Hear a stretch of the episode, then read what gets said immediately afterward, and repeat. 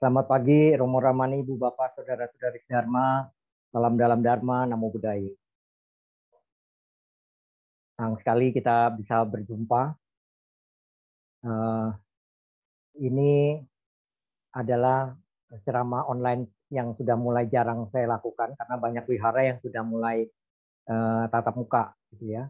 Tapi uh, Dharma Suka masih online dan tidak mengurangi keikmatan kita di dalam kebaktian bahwa melakukan kebaikan itu bisa dilaksanakan eh, dari mana kita berada.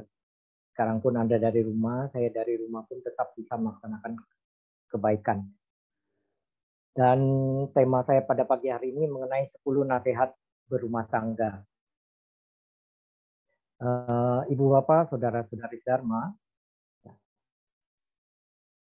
ini adalah 10 hal yang menjadi penting di dalam rumah tangga karena eh, ternyata berkehidupan keluarga pun memiliki kesulitannya tersendiri.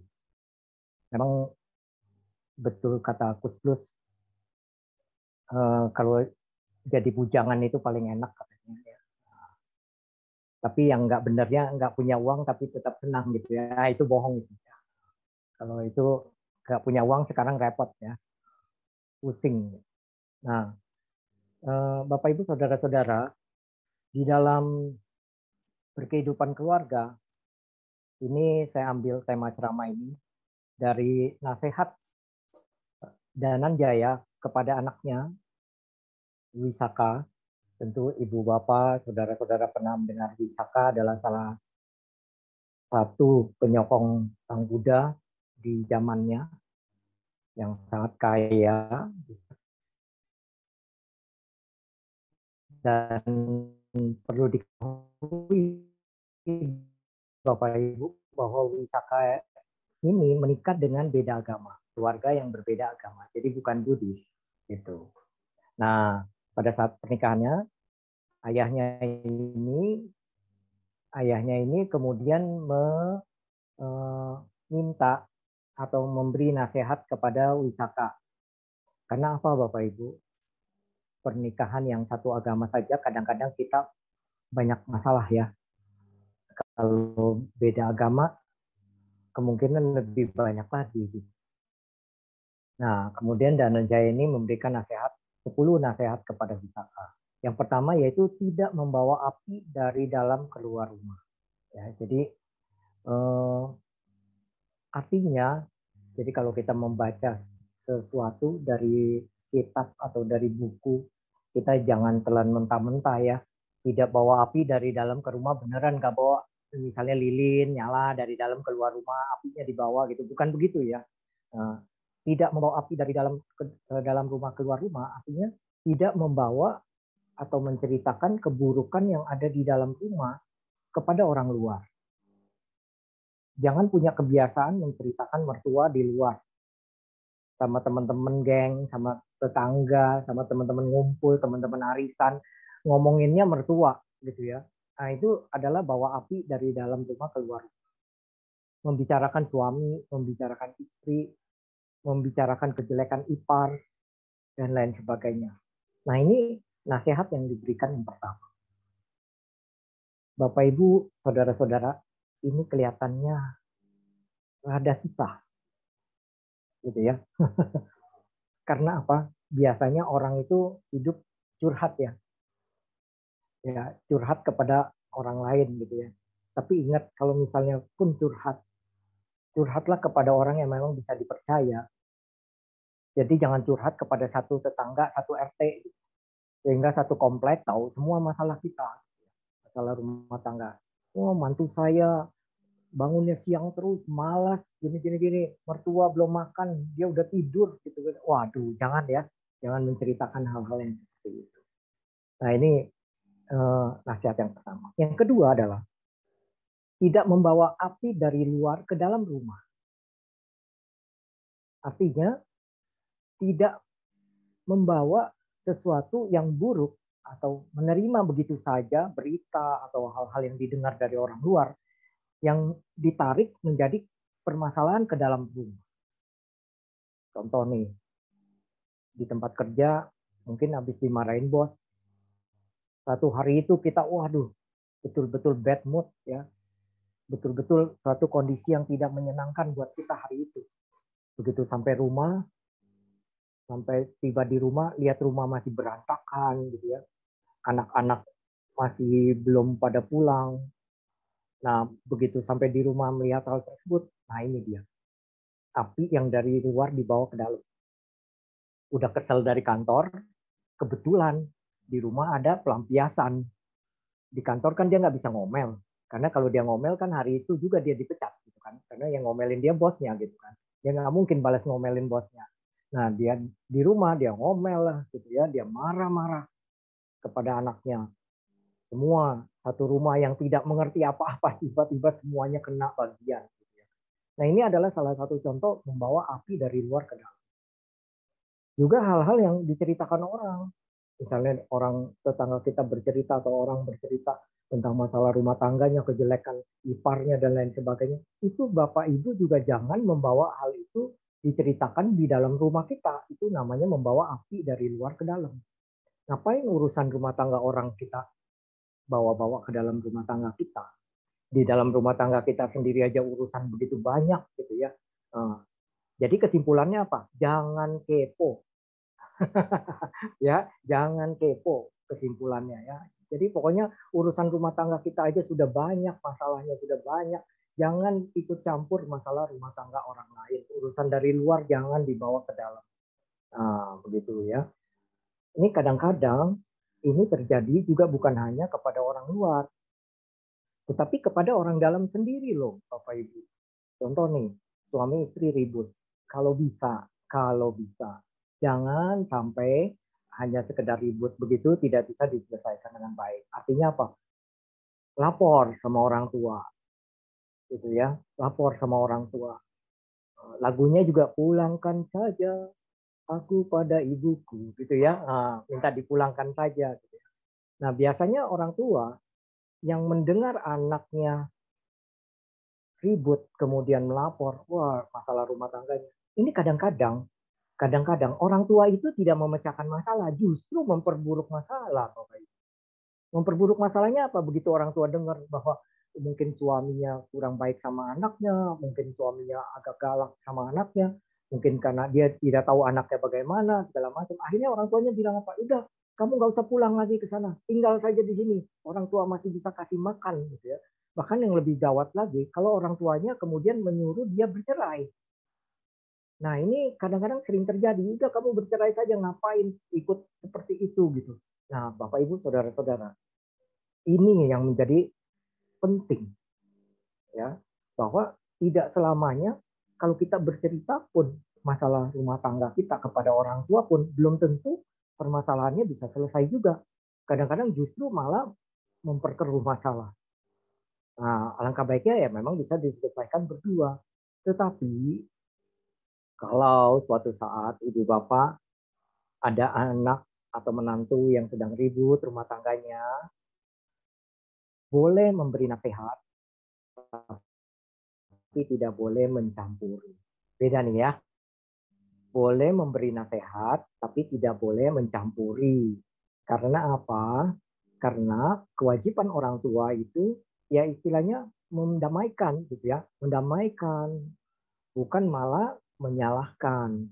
Kadang-kadang ya karena mendengar satu pihak bercerita, ya biasanya yang bercerita kan nggak mau disalahin ya. Pasti dia menceritakan hal-hal uh, kebaikan yang dia dan kesalahan yang uh, pasangannya gitu.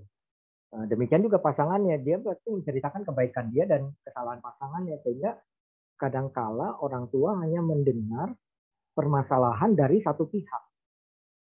Ya, Alangkah baiknya memang kalau kita tahu misalnya eh, keluarga atau rumah tangga anak kita atau menantu kita sedang tidak baik, ya mungkin kita bisa uh, datang kemudian ajak mereka ngobrol bersama gitu ya, ya kita kita mendengarkan gitu ya. Nah ini uh, menjadi penting.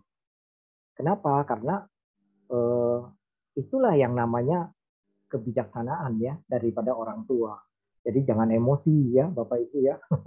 Biasalah, apalagi kalau mama ya, mama kalau dengar anaknya rumah tangganya berantem gitu ya, biasanya mama lebih emosi daripada bapaknya gitu ya. Uh, ibunya lebih lebih emosi. Makanya ini perlu hati-hati. Jadi jangan membawa masuk api dari luar ke dalam. Kemudian yang ketiga, itu memberi hanya kepada mereka yang memberi. Artinya, segala sesuatu yang kita pinjamkan hanya kita pinjamkan kepada orang yang mau mengembalikan atau yang bisa mengembalikan. Itu. Jadi ya contoh misalnya kita tahu orang itu baik gitu ya. Tetangga kita itu baik atau ipar kita ini baik gitu ya. Nah, perhatian. Nah, kita pun harus demikian. Gitu ya. Kita pun harus demikian. Artinya memberi kepada mereka yang memberi. Artinya kita tahu membalas budi kebaikan dari uh, anggota keluarga kita dari kedua belah pihak. Ya kadang-kadang ada juga kan yang mungkin ipar ipar justru lebih dekat sama sosonya gitu ya. Uh, dia suka cerita, udah ya seperti adik sendiri padahal ipar. Gitu kan. Nah ini adalah sesuatu yang bagus gitu. Ya contoh misalnya seseorang uh, pada saat kita duka cita atau pada saat kita pesta kemudian orang itu memberikan bantuan berupa uh, uang duka cita atau uang angpau begitu ya. Nah, itu adalah orang yang memberi dan kita harus bisa memberi kepada mereka yang memberi. Artinya kita juga bisa membalasnya begitu. Nah, ini uh, menjadi penting di dalam kehidupan kita saling uh, memberi. Sebentar lagi lebaran. Mungkin di antara ibu bapak tetangga-tetangganya banyak yang muslim kemudian mereka tuh kalau mau lebaran menjelang malam takbiran itu mereka banyak yang kirimin ketupat gitu kan ya ke rumah gitu ya. Nah, pada saat kita Imlek itu jangan lupa itu gitu ya kue keranjang kita kirim juga ke rumah dia gitu kan. Karena apa? Inilah memberi kepada mereka yang memberi gitu. Artinya kita saling uh, memberi.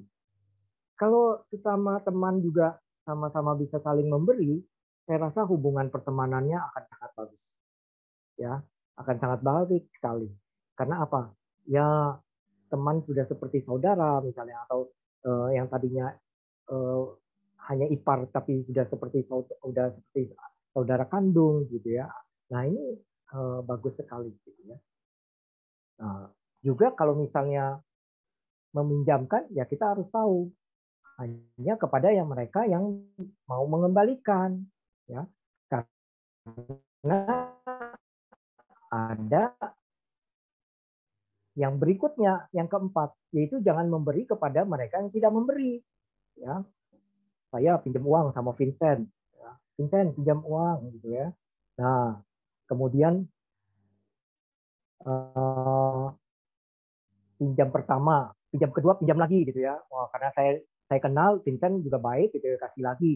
Begitu saya pinjam yang ketiga uh, Vincent masih kasih lagi tuh. Oh saking baiknya dia gitu kan. Uh, begitu yang ketiga yang keempat saya mau pinjam Vincent kasih uh, kemudian tanya sama saya itu Romo sudah pinjam tiga kali yang kemarin-kemarin belum dipulangin gitu kan ya. Ini mau pinjam lagi. Bapak Ibu saudara-saudara ini harus tegas bahwa kalau seseorang yang sudah kita pinjamkan kemudian dia apalagi dia sudah janji bulan depan ya dipulangin. Sampai tahun baru kelinci nggak dipulangin gitu ya. Nah, itu berarti orang ini udah nggak patut dipinjemin lagi gitu ya udah gitu udah nggak bisa bayar nggak mau telepon nggak mau kasih tahu mestinya kan kasih tahu ya Vincent sorry ya janjinya memang mau bulan ini tapi kebetulan bulan ini saya belum ada belum cukup uangnya mohon kasih waktu lagi nah kalau begitu masih masih oke okay. istilahnya orangnya masih bertanggung jawab kalau yang seperti itu istilahnya fair gitu ya. Ini udah nggak ditagi juga nggak nggak apa ya nggak mau memberitahu nggak mau kasih kabar belaga lupa gitu ya nah, seperti itu. Nah begitu ketiga kali dikasih begitu yang keempat nggak dikasih biasanya yang minjem itu bilang kita apa? Pelit. Masa pinjem gitu aja nggak dikasih padahal kita udah tiga kali loh berbuat baik pinjemin dia Begitu yang keempatnya, tiga kali kebaikan kita itu dilupakan. Dilupakan orang. Makanya ini benar nasihat ini di dalam rumah tangga. Pokoknya kalau kita meminjamkan sesuatu, jangan meminjamkan atau jangan memberi kepada mereka yang tidak memberi. Artinya jangan meminjamkan sesuatu kepada yang mereka yang tidak mau mengembalikan. Artinya Anda akan rugi sendiri. Kita akan rugi sendiri. Di ceramah saya yang lalu kan masih ingat ya cerita setan benci orang pelit gitu ya. Nah, itu. ya di ceramah itu gitu ya. Nah, karena apa? Ya itu ya maunya dikasih gitu ya. Giliran dia traktir nggak mau, nggak ada yang mau. Dia nggak mau gitu. Ya. Nah ini eh, jangan memberikan kepada mereka yang tidak. Yang kelima, yang kelima ini memberi kepada mereka yang memberi dan tidak memberi. Kalau tadi kan memberi kepada mereka yang memberi, tidak memberi kepada mereka yang tidak memberi. Terus yang ketiga, memberi kepada yang memberi dan tidak memberi. Artinya sifatnya menolong. Contoh, misalnya kebetulan keluarga adik ipar ini susah. Anaknya sampai tidak bisa sekolah. Nah, kita yang mungkin keluarganya lebih mampu, ya udah anakmu jangan sampai tidak sekolah, sekolahin, kasihan nanti masa depannya ah, kita bantu dia sekolahnya. Tapi kita tidak merasa bahwa dia meminjam uang kita untuk menyekolahkan anaknya, tapi kita yang memberi. Walaupun mereka tidak memberi gitu. Ya, tidak bisa membalas, tapi kita memberi. Contoh lain misalnya bencana alam. Itu kan bencana alam kan kita membantu berdana dengan tanpa imbalan, dengan tanpa harapan itu nanti dikembalikan ke kita. Begitu ya. Nah, ini yang ke lima. Jadi memberi kepada mereka yang memberi dan tidak memberi. Artinya menolong kepada yang tidak mampu.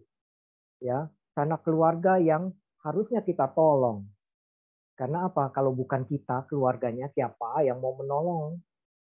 Nah, ini penting sekali, gitu ya. Jadi saudara-saudara, ada juga yang memberi walaupun dia tidak bisa membalas atau mengembalikannya, ya nggak apa-apa, kita beri saja. Artinya kita bermaksud menolongnya dengan ikhlas.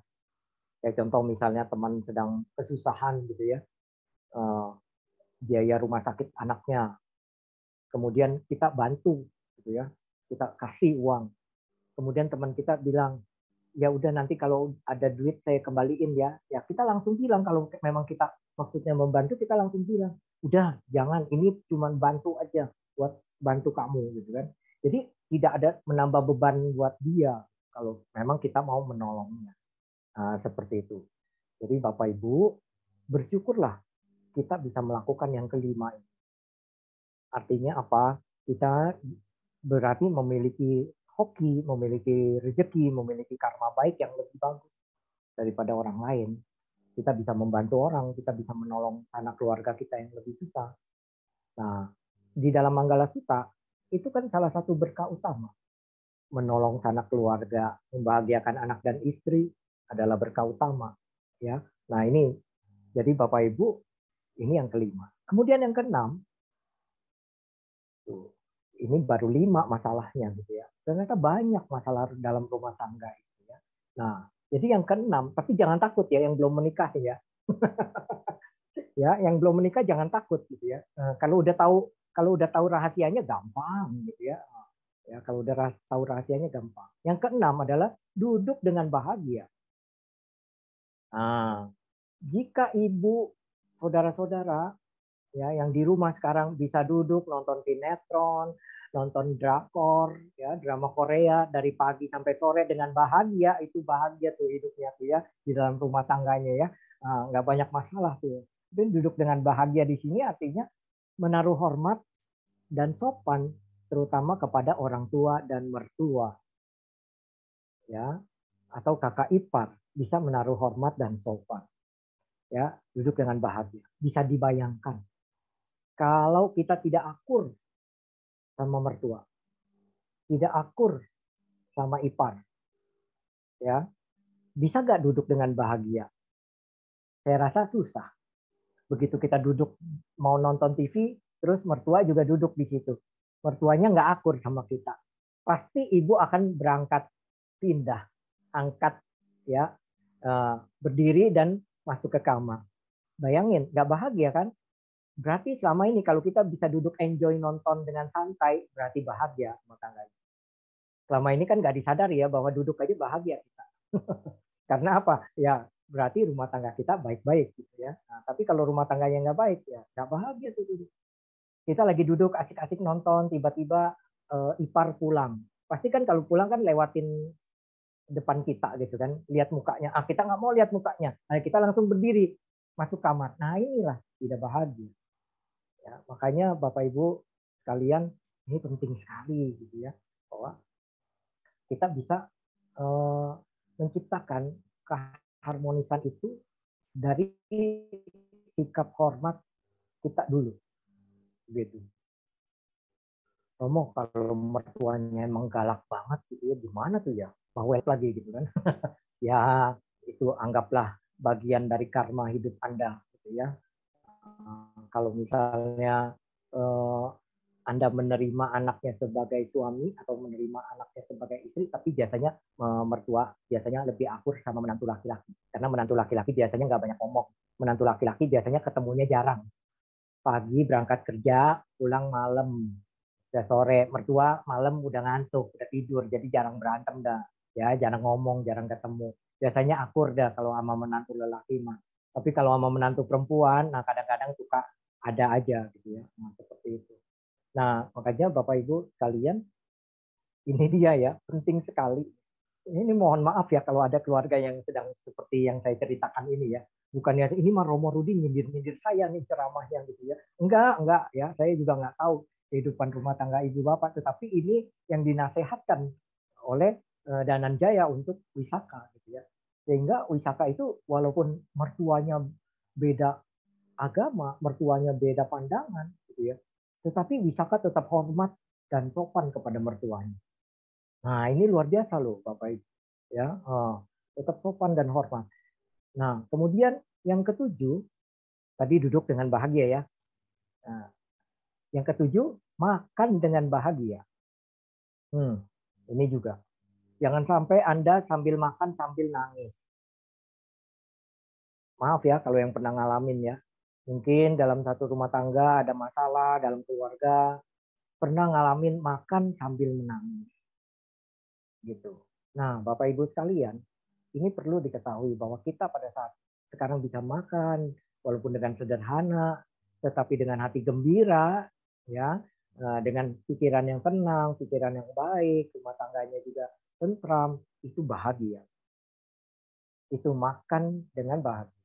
Artinya juga dalam hal makan, seorang istri biasanya menyiapkan untuk mertua atau orang tua lebih dahulu dan suaminya. Nah, ini Bapak Ibu menjadi penting. Karena apa? Ya biasanya demikian ya. Anak mempersilahkan orang tua dulu makan. Kecuali orang tuanya yang bilang, ya mama masih kenyang kamu makan dulu aja. Ah barulah kita makan. Nah, kalau misalnya bisa makan bareng lebih bagus lagi. Ya. Nah cuman kalau makan bareng kalau rumah tangganya nggak akur apakah bisa enak makannya? Makan tidak bahagia. Betul kan? Sama ada ipar berantem duduk di meja makan bareng makan tidak bahagia. Gitu ya. Biarpun sayurnya enak beli di restoran. Begitu ya. Dengan mertua dengan orang tua tidak enak. Karena apa? Tidak akur. Jadi bahagialah ibu bapak yang saat ini bisa makan dengan bahagia. Apalagi sampai ada waduh romo saya waktu orang uh, mertua saya masih hidup saya yang merawat gitu ya. Sampai uh, dia meninggal dunia wah itu hebat ya itu ibu luar biasa gitu ya bapak luar biasa kalau bisa melakukan hal itu. Karena apa? Itu memang hal yang eh, diharapkan bahwa kalau kita menikah, kita bukan cuma orang tua kita kandung saja yang yang kita layani, tapi kita punya dua orang tua loh kalau kita menikah. Ya, mertua kita itu juga jadi orang tua kita dan sama yang harus dijunjung tinggi karena dia orang tua dari suami atau istri kita. Nah ini sama-sama harus dilayani. Jangan sampai kejadian mau kasih orang tua, bawa orang tuanya ke dapur, kemudian baru duitnya dikeluarin dari kantong, baru diselipin ke kantong mamanya. Nih mah, pegang, buru-buru masukin, jangan sampai kelihatan, nanti jadi ribut. Nah itu, itu nggak boleh tuh. Masa kasih orang tua kayak maling, gitu ya, uh, diem-diem begitu, takut ketahuan, itu namanya tidak baik. Ya, jujur saja, terbuka saja, ya. Kita ke orang tua kita kita sayang, ke mertua kita juga kita sayang, gitu. Tapi Romo, kalau ada orang tua yang nggak ini waktu saya ceramah ini saya pernah ceramahkan ini juga eh, kemudian saya ditanya Romo orang tua saya itu sayang anak itu pilih-pilih wah ini nih sering kali nih kejadian di dalam rumah tangga kalau anaknya sama yang anak kan nomor begini dia sayang benar sama yang lain dia nggak begitu sayang nah bapak ibu saya bilang kalau anak disayang orang tua, jadi anak kesayangan, kemudian anaknya berbakti kepada orang tua tersebut, itu biasa. Karena memang anaknya itu juga disayang oleh orang tua. Tapi kalau anak yang tidak disayang oleh orang tuanya, tapi dia bisa tetap berbakti sama orang tuanya, itu luar biasa. Hebat gak? Hebat. Dia nggak disayang, tapi tetap dia berbakti sama orang tuanya. Tetap dia sayang sama orang tuanya. Itu luar biasa bahkan saya pernah diceritakan ada satu cerita gitu ya dari seorang teman uh, gitu ya seorang ibu jadi orang tuanya ini waktu dia hidup dia benci sekali sama dia enggak entah kenapa gitu karena dia mengharapkan anaknya ini lahir laki-laki tetapi dia perempuan. Jadi orang tuanya itu dari kecil papanya ini enggak suka sama dia. Aneh memang ya ini. Ada orang tua yang seperti ini gitu ya. Nah, dia benci sama orang tuanya. Tetapi Begitu orang tuanya tua dan kemudian mengalami sakit, justru anak yang paling dia benci inilah yang merawat dia sampai dia meninggal dunia. Bahkan sebelum dia meninggal dunia, orang tuanya ini, papanya ini sampai minta maaf sama anaknya ini. Bayangin tuh Bu, orang tua sampai minta maaf sama anak. Kenapa? Ini luar biasa.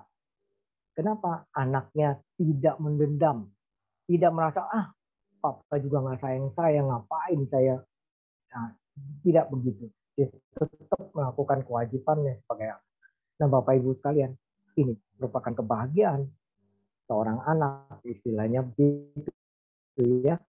Nah juga demikian anak-anak kita dalam table manner urusan makan perlu diajar jangan makan dulu sebelum menang jadi jangan makan dulu sebelum menawarkan orang tua. Ya, tawarin dulu orang tua makan, baru makan. Ya, jangan sampai uh, pada saat makan meja, tahu ya makan meja ya pantok, ya kan makan nih 8 orang satu meja, gitu ya. Uh, biasanya kan kalau, anak muda kan gesit dipegang sumpitnya langsung pet pet pet pet pet, pet cepet ya. Oh, ilmu kungfunya tingkat 8 gitu ya. Uh, untuk mengambil makanan ke piring. Gitu. Nah, ini harus kita ajarkan bahwa kita harus makan dengan bahagia. Artinya makan dengan bahagia apa? Jangan sampai kita makan diplototin sama yang tua. Dan anaknya merasa nggak bersalah juga gitu ya. Kenapa orang saya yang lebih cepat, kenapa yang mereka yang marah-marah gitu ya. Nah ini kita harus ajarkan bahwa kita harus mempersilahkan dulu kepada yang lebih tua. Kalau perlu kita diambilkan, kemudian ditaruh di piring yang lebih tua gitu orang tua ditaruh di wah orang tua yang dikasih uh, nasi atau dikasih makanan di sumpit diambilin ditaruh di piringnya itu merasa apa ya tersanjung gitu ya orang tuanya langsung bilang oh nggak usah dilayani biarin ambil sendiri gitu ya nah, seperti itu tapi mereka senang ini ya buat yang belum menikah ini ya rahasia ya pendekatan kepada calon mertua ya nah ini jadi kalau makan nanti di restoran makan bareng gitu ya sama calon calon mertua ya jangan lupa itu ya jadi pada saat mau makan, langsung kalian buru-buru ambil dulu, bukan ambil sendok buat ke piring sendiri ya, bukan ya. Tapi ambil sendok buat taruh ke piring calon mertua. Saya yakin Anda diterima deh. Gitu ya. Eh, lulus lulus ujian, ya. lulus ujian di meja makan. Gitu ya. Nah ini kalau nggak percaya boleh tanya yang ibu-ibu AI AI yang yang hadir di sini ya, benar nggak apa yang saya ngomong? Nah, seperti itu ya. Jadi Eh, bagi Anda yang belum menikah, Anda coba praktekkan ini. Pasti Anda sangat disayang dan dipuji gitu ya sama orang tua Anda. Karena belum tentu anak mereka memperlakukan mereka uh, seperti itu. Tapi Anda yang belum jadi menantu saja sudah bisa memperlakukan mereka seperti itu. wah mereka akan sangat senang. Ya, ini makan dengan bahagia. Pada saat mau bayar, nah mereka nggak kasih kita bayar, dia yang bayar. ya, kalau Anda yang traktir makan, ya Anda yang bayar ya. Baik, kemudian yang ke-8, tidur dengan bahagia. Nah, ini rumah tangga kan gitu ya, duduk bahagia, makan bahagia, tidur bahagia. Jangan sampai mau tidur nggak bahagia. Coba ribut suami istri. Acara terakhir setiap hari apa? Tidur. Ya, begitu tidur, hmm, lihat mukanya. Ah, karena lagi ribut kan, jadi nggak bahagia tidur, gitu kan? Nah, ini tidak boleh. Ya, tidur dengan baik. Bahkan ada orang yang justru kesulitan tidur karena masalah-masalah di dalam rumah tangganya. Sulit sekali untuk memejamkan mata atau terlalu banyak pikiran. Padahal ibu bapak tidur ini sangat penting di dalam hidup. Ya, salah satu yang membuat orang panjang umur itu tidur dengan cukup. Ya, harus tidur dengan cukup. Nah, jadi mau tidur dengan bahagia di dalam rumah tangga. Sebelum tidur, semua jendela, pintu, cek. Kompor, cek. Kadang-kadang ada ibu rumah tangga yang sebelum tidur, dia manasin sayur. Dengan tujuan supaya nggak basi besok pagi. Dia panasin sayur, dia nyalain kompor, dia tidur. Nah ini bahaya nih, gitu ya. Eh, atau dia tinggal gitu kan, ini bahaya. Jangan sampai kejadian seperti itu. Ya. Kemudian lihat apakah sudah benar-benar terkunci untuk mengamankan barang-barang ya. Eh, saat ini kan ya namanya pencurian bisa ada di mana-mana. Kalau bukan kita yang mengamankan barang kita, ya siapa lagi? Artinya kita bisa uh, tidur dengan nyenyak gitu ya. Sebelum tidur kalau banyak pikiran ya pasti sulit tidur. Nah, juga lihat apakah apakah mama atau orang tua sudah tidur. Mertua sudah tidur. Nah, seperti itu. Kadang-kadang ada orang tua yang kalau anaknya belum pulang, dia belum tidur. Ada juga yang seperti itu. Ya, walaupun dia udah punya cucu, jadi anaknya ini udah punya anak gitu ya. Tapi ini orang tua kalau anaknya belum pulang dia nggak tidur tuh. Ya, belum tidur. Dia tungguin begitu anaknya pulang aja, mobilnya masuk atau motornya pulang, dengar baru dia masuk kamar. Nah, seperti itu. Padahal anaknya juga udah tua juga gitu ya. Uh, udah punya anak lagi gitu. Tetap tuh, itu hebatnya orang tua, saudara-saudara. Gitu ya.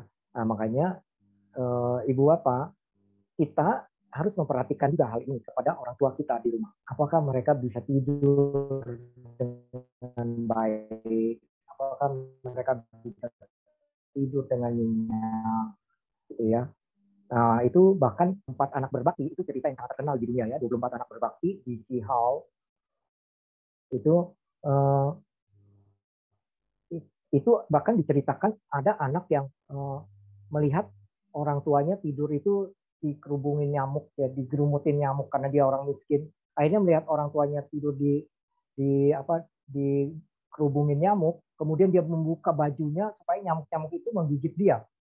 Jangan sampai menggigit orang tuanya.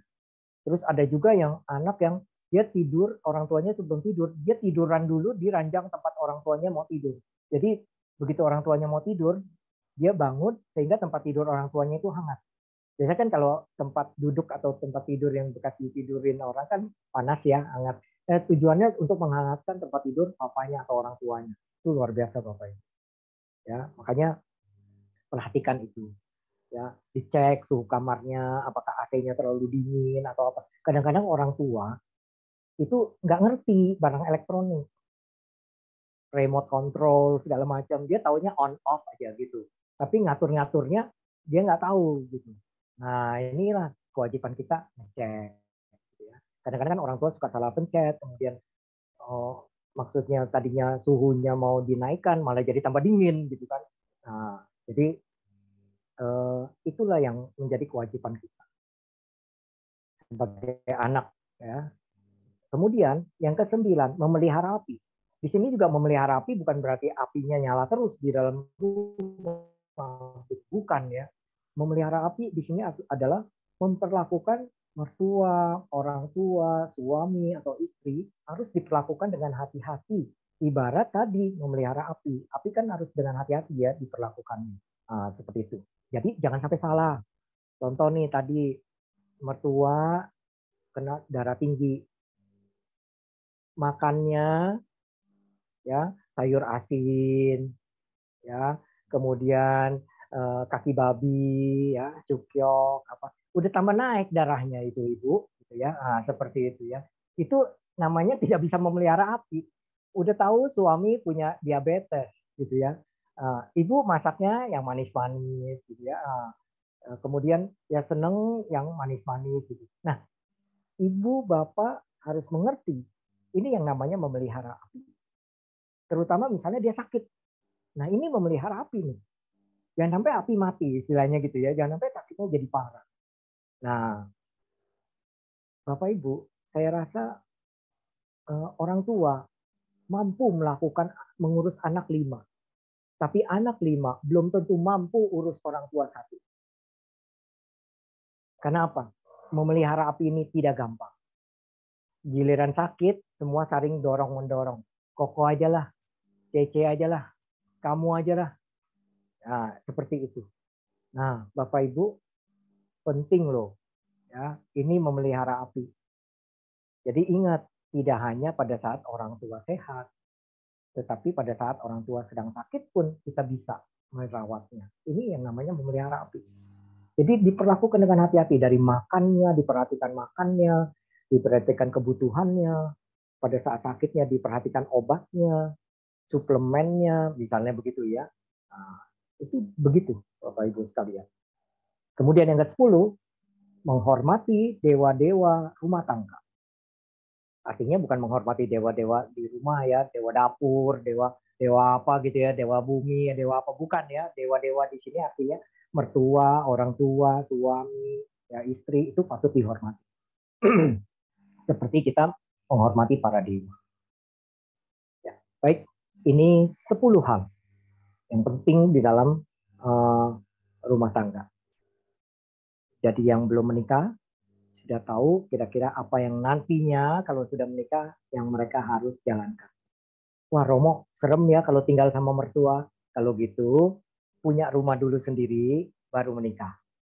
Ya, ya ini kadang-kadang kan begitu ya. ya. Permasalahan tuh ada saja gitu ya namanya tinggal satu rumah gitu ya. Tapi ingat kalau orang tua tinggal sendirian dan Anda juga punya rumah yang mapan yang cukup, ajaklah dia tinggal dengan Anda. Jangan sampai dia sendirian. Karena apa? Orang tua itu penyakit yang paling bahaya buat orang tua adalah kesepian. Ya, karena apa? Pada masa anaknya kecil, orang tua itu punya hiburan, ada anaknya. Ya, pada saat anaknya menikah, anaknya keluar rumah kan, satu-satu-satu, akhirnya sepi lagi.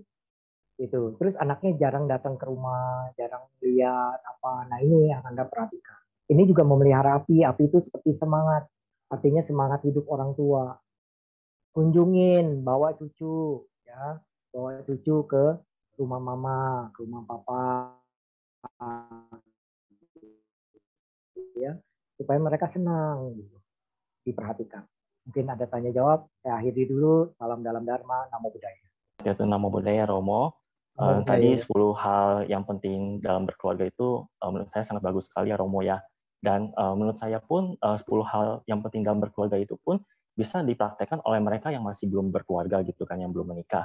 Jadi uh, pertanyaan saya Romo, uh, boleh nggak maksudnya kita menggunakan patokan uh, 10 hal yang penting dalam berkeluarga ini gitu kan, uh, dalam memutuskan sebelum menikah dengan pasangan pasangan atau calon gitu Romo. Jadi misalkan uh, kita sudah uh, mempraktekkan 10 hal penting ini dalam berkeluarga sebelum menikah gitu kan. Dan uh, kita memilih pasangan pun yang sudah bisa mempraktekkan 10 hal penting tersebut uh, sebelum menikah juga gitu. Jadi istilahnya kita dan pasangan ataupun calon gitu kan sebelum menikah pun sudah mempraktekkan 10 hal penting dalam berkeluarga ini. Jadi apakah kalau misalnya seandainya sudah uh, sama-sama nih ada memiliki uh, 10 kriteria ini uh, sudah dipraktekkan uh, baik uh, dari pribadi ataupun pasangan ataupun calon itu ketika menikah apakah juga menjamin gitu kan setelah menikah setidaknya lebih mending untuk mempraktekkan 10 hal penting ini dalam berkeluarga Romo. Jadi istilahnya pertama uh, boleh nggak maksudnya 10 hal ini tuh dijadikan patokan sebelum memutuskan untuk menikah dengan pasangan? Dan kedua, apakah setelah misalkan sama-sama uh, sudah mempraktekkan 10 hal ini, kemudian setelah menikah pun uh, bisa dijadikan patokan uh, nanti juga bisa mempraktekkan hal tersebut dengan baik setelah berkeluarga gitu. Jadi istilahnya kan memang pas uh, sebelum menikah dan setelah menikah pasti kan situasinya berbeda gitu. Tapi kalau seandainya sudah mempraktekkan sebelum menikah, ya setidaknya apakah memang bisa menjamin uh, lebih mending untuk mempraktekannya ketika sudah menikah gitu Romo. Itu saja Romo Setiotu nama budaya. Nama budaya. Wah, ini pertanyaan bagus. Tapi kalau mau cari seorang calon istri, Vincent calon istri punya 10 kriteria ini, saya khawatir nggak ketemu sampai akhir. Gitu ya. Jadi nggak ada yang sempurna ya. Malah ngeri dia begitu disodorin 10 syarat ini gitu ya. ya. Jadi saya lebih setuju learning by doing. Artinya eh, kita belajar sambil melakukan gitu kan ya. Setelah kita mengetahui ini oh ini baik. Karena Vincent yang pun uh, sudah tahu masalah 10 hal ini belum tentu bisa melaksanakan gitu. Ya contoh misalnya tidak menceritakan uh, tidak membawa api dari dalam keluar, tidak menceritakan keburukan rumah tangga keluar. Itu kadang-kadang nggak bisa direm mulut. Gitu. Nggak bisa direm. Apalagi kalau udah benci, udah kesel gitu ya. Wah diceritain ke mana-mana gitu ya walaupun dia tahu ada hal ini gitu nggak boleh gitu kan nggak baik tapi dia tetap makanya apa yang harus dilakukan ya yang pertama memang komitmen ya kalau sudah menikah tuh komitmennya gitu aja sih komitmen perlu komitmen ya supaya apa ya kita kasih tahu bahwa orang tua kita ini oh mama saya ini orangnya rada bawel gitu ya mama saya ini orangnya seperti ini ini ini. Tapi kalau istilahnya eh, istri atau calon itu bilang nggak apa-apa lah jadi orang tua memang semua begitu nah, bagus tuh. Nah, berarti dia sudah bisa memaklumi ya kalau misalnya kalau misalnya di awal-awal itu. Halo apakah saya terdengar suara saya? Iya terdengar Romo ya ya. Saya takutnya eh, soalnya di layar eh, semua gambarnya diam gitu ya. Saya pikir apa terputus atau apa.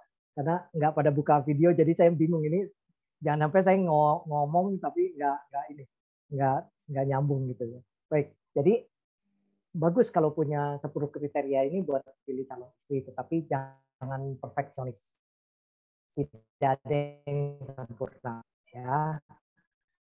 Jadi nanti takutnya malah terlalu perfeksionis malah susah cari pasangan. Saya yakin sih kalau pasangannya juga aktif di wihara, aktif sering dengerin ceramah gitu ya, jadi pengurus, melayani, belajar melayani umat, melayani orang itu udah modal tuh, gitu ya. Ya istilahnya dia bisa melayani orang, melayani keluarga kita juga pasti bisa, ya nah, seperti itu. Nah, kemudian eh, kalau misalnya sudah menikah, apakah jaminan, nggak jaminan gitu ya, tapi perlu komitmen ya, perlu tekad gitu. Ya, cuman masalahnya, kendalanya kalau memang ada orang tua yang ikut campur masalah rumah tangga anak dan menantunya. Ini yang repot. Artinya ikut campur semua dari masalah cucu, ya masalah keuangan, masalah apa itu saya pernah tuh begitu. Ya, pernah saya diminta untuk memberi nasihat gitu kan eh, karena akhirnya uh, orang tua ini karena terlalu mencampuri dan akhirnya uh, dia sampai lebih baik udah bercerai saja lah gitu anak ini. Nah, akhirnya saya diminta ya saya dijemput gitu ya minta tolong gitu ya eh, karena orang tuanya kebetulan kenal kenal gitu ya seperti itu. Pernah dengar saya ceramah. Jadi dengan harapan kalau Romo yang ngomong mungkin mempan kali Romo dia bilang gitu ya. Kalau kalau saya udah nggak mempan dia bilang. Akhirnya saya bilang jangan jangan di jangan secara formal. Kita ketemu dulu. Saya mau dengar dulu cerita dari anaknya versi anaknya gimana versi orang tuanya gimana. Karena kalau langsung ke rumahnya yang saya ngedengerinnya bukan dari satu pihak dua pihak tapi saya ngedengerin orang berantem di depan saya akhir. Kalau saya langsung ketemu arti artinya apa? Rekan-rekan saya investigasi dulu satu-satu. Udah kayak polisi aja ya. Uh, investigasi dulu satu-satu masalahnya apa gitu kan. Seperti itu. Ya saya pernah juga tuh dua kali yang satu orang di luar eh, akan di luar Jakarta gitu ya. Itu hampir bercerai tapi Omi akhirnya mereka bisa tidak bercerai sampai sekarang. Nah itu satu-satu tuh saya ketemunya. Pertama suaminya dulu suaminya cerita begini begini begini begini versi suaminya. Terus ketemu sama istrinya istrinya cerita begini begini begini begini. Ah jadi saya ambil kesimpulan oh masalahnya di sini. Ah, kayak gitu. Itu yang berat memang kalau orang tua yang ikut campur dan orang tuanya satu rumah gitu. nah ini yang cukup berat. Kecuali anaknya yang mapan mungkin anaknya bisa istilahnya ya udah eh, cari rumah sendiri gitu ya. Nah, orang tua kasih rumah yang dia tinggal terserah orang tua nanti mungkin satu bulan di rumah adiknya satu bulan yang diatur begitu. Biasanya kan kalau jarang ketemu bisa lebih akur ya. Kalau sering ketemu kadang-kadang suka suka ada aja gitu ya. Nah, seperti itu. Itu Vincent sih permasalahannya. Memang perlu komitmen aja sih ya. Oke. Ya luar biasa. Terima kasih Romo Anu Mudana terima kasih Romo Pak Vincent um, Romo saya izin membaca pertanyaan lewat Boleh. chat ya Selamat pagi, nama budaya Romo, mengenai jangan membawa api dari luar ke rumah. Ini mungkin juga bisa dipraktekkan oleh anak muda yang masih tinggal bersama orang tua. Bagaimana cara kita melampiaskan kemarahan kita yang dibawa dari luar supaya tidak terbawa ke dalam rumah Romo. Terima kasih. Ya, uh, kalau saya kalau lagi kesel begitu ya, kalau lagi kesel urusan kantor atau apa, saya biasanya uh, jalan dulu. Gitu jalan dulu. Entah itu cari makan atau apa gitu di luar gitu ya. Nah, nggak langsung nggak langsung pulang. Biasanya kalau udah jalan dulu apa ibarat kalau panci itu kalau bekas air mendidih kan masih panas banget gitu ya. Nah, kalau udah didiemin satu jam udah mendingan lah anget gitu ya. Ya jadi nggak terlalu panas jadi sampai rumah bisa tapi saya memang komitmen urusan kantor begitu saya nyampe rumah nggak ada urusan lagi buat saya Artinya kalau misalnya pun ada di WA atau di apa, saya jawab, tapi saya bilang, oke okay, besok kita rapatkan, oke okay, besok kita selesaikan. Nah, seperti itu. Jadi saya nggak mau dipusingin. Itu urusan rumah pun demikian. Saya berusaha untuk itu ya. Memang tidak gampang. Namanya juga manusia ya, masih rasa kesel kadang-kadang kan emosi ada aja ya. Eh, saya yakin ibu bapak juga ngalamin deh ya, nah, seperti itu. Tapi kita mesti apa? Mesti tahu gitu eh, batas-batas gitu ya, batas-batas. Ya, jadi begitu. Jadi jangan membawa masalah itu dari luar ke dalam. Kadang-kadang begitu. Kita kesel di luar gitu ya. Yang belum menikah mungkin kesel sama dosennya, sama apanya gitu ya. Uh, apa judul skripsi ditolak, pulang ngamuk gitu ya, pulang marah-marah gitu. Marah-marahnya banting-banting barang lagi di rumah itu paling jelek nggak boleh ya, saudara-saudara ya. Karena apa? Begitu barang Anda banting itu berarti Anda harus membeli lagi. Dulu saya ingat ada satu guru saya, begitu. Dia habis marah dengan suaminya, dia selalu cerita ke saya. Habis pokoknya semua saya banting-bantingin Pak Rudi, pecah semua. Nah, habis dibanting, nggak beli lagi tuh, saya bilang. Ya dia diem, dia beli lagi. Kan bodoh saya bilang. Gitu ya. Udah, beli lagi piring, jangan beli yang keramik, jangan beli yang beling, beli yang melamin, saya bilang. Ya, kalau melamin kan dibanting paling mental gitu ya, seperti itu nggak pecah gitu ya. Nah, beli yang melamin gitu ya, jangan yang karena apa? Itu nggak bagus. Dan itu mencontohkan yang tidak baik, gitu. terutama kalau ada adiknya atau apa. Dan di situlah menunjukkan kedewasaan mental, kedewasaan psikologi seseorang. Jadi belum tentu loh yang umurnya tua mentalnya dewasa, belum tentu. Gitu makanya eh, kita latih, gitu ya kita latih. Kan kita kan sering dinasehati untuk bisa mengendalikan diri, ya, mengendalikan marah. Mungkin wajar kita marah, tapi bagaimana caranya kita meredam marahnya itu. Itu aja sih. Ya, meredam marahnya. Ada orang yang marah kemudian dia ngunyah. Artinya makan tuh. Oh, gak apa-apa udah biar makan aja gitu kan. Yang penting yang penting marahnya ber, eh, bisa reda gitu ya. Nah, atau jalan. Kalau saya begitu jalan. Kalau saya jalan aja keliling gitu ya kalau di kampus gitu ya, udah kesel gitu ya, saya keliling kampus. Dari lantai satu sampai lantai empat, saya turun lagi lantai satu ke depan, ke, ke parkiran, saya jalan-jalan. Paling satpam pada nanya ini, Pak Rudi mau ke mana, mau ngapain? Dia lagi jalan-jalan aja suntuk, saya bilang gitu ya. Ya itu kayak gitu. Uh, itu beberapa yang pernah saya lakukan sih. Jadi ya, tapi ya tadi saya katakan tadi ya, ya kalau masih bujangan, kesulitan hidupnya sebetulnya masih tidak terlalu banyak. karena orang tua masih menanggung. Nah, tapi ingat ya, jangan sampai udah umur 30 orang tua masih menanggung karena Anda masih bujangan. Nah, ini nggak boleh gitu kan. Malu dong gitu ya. Harusnya kan Anda sudah mandiri. Nah, itu itu demikian. Baik, terima kasih. Baik, terima kasih Romo.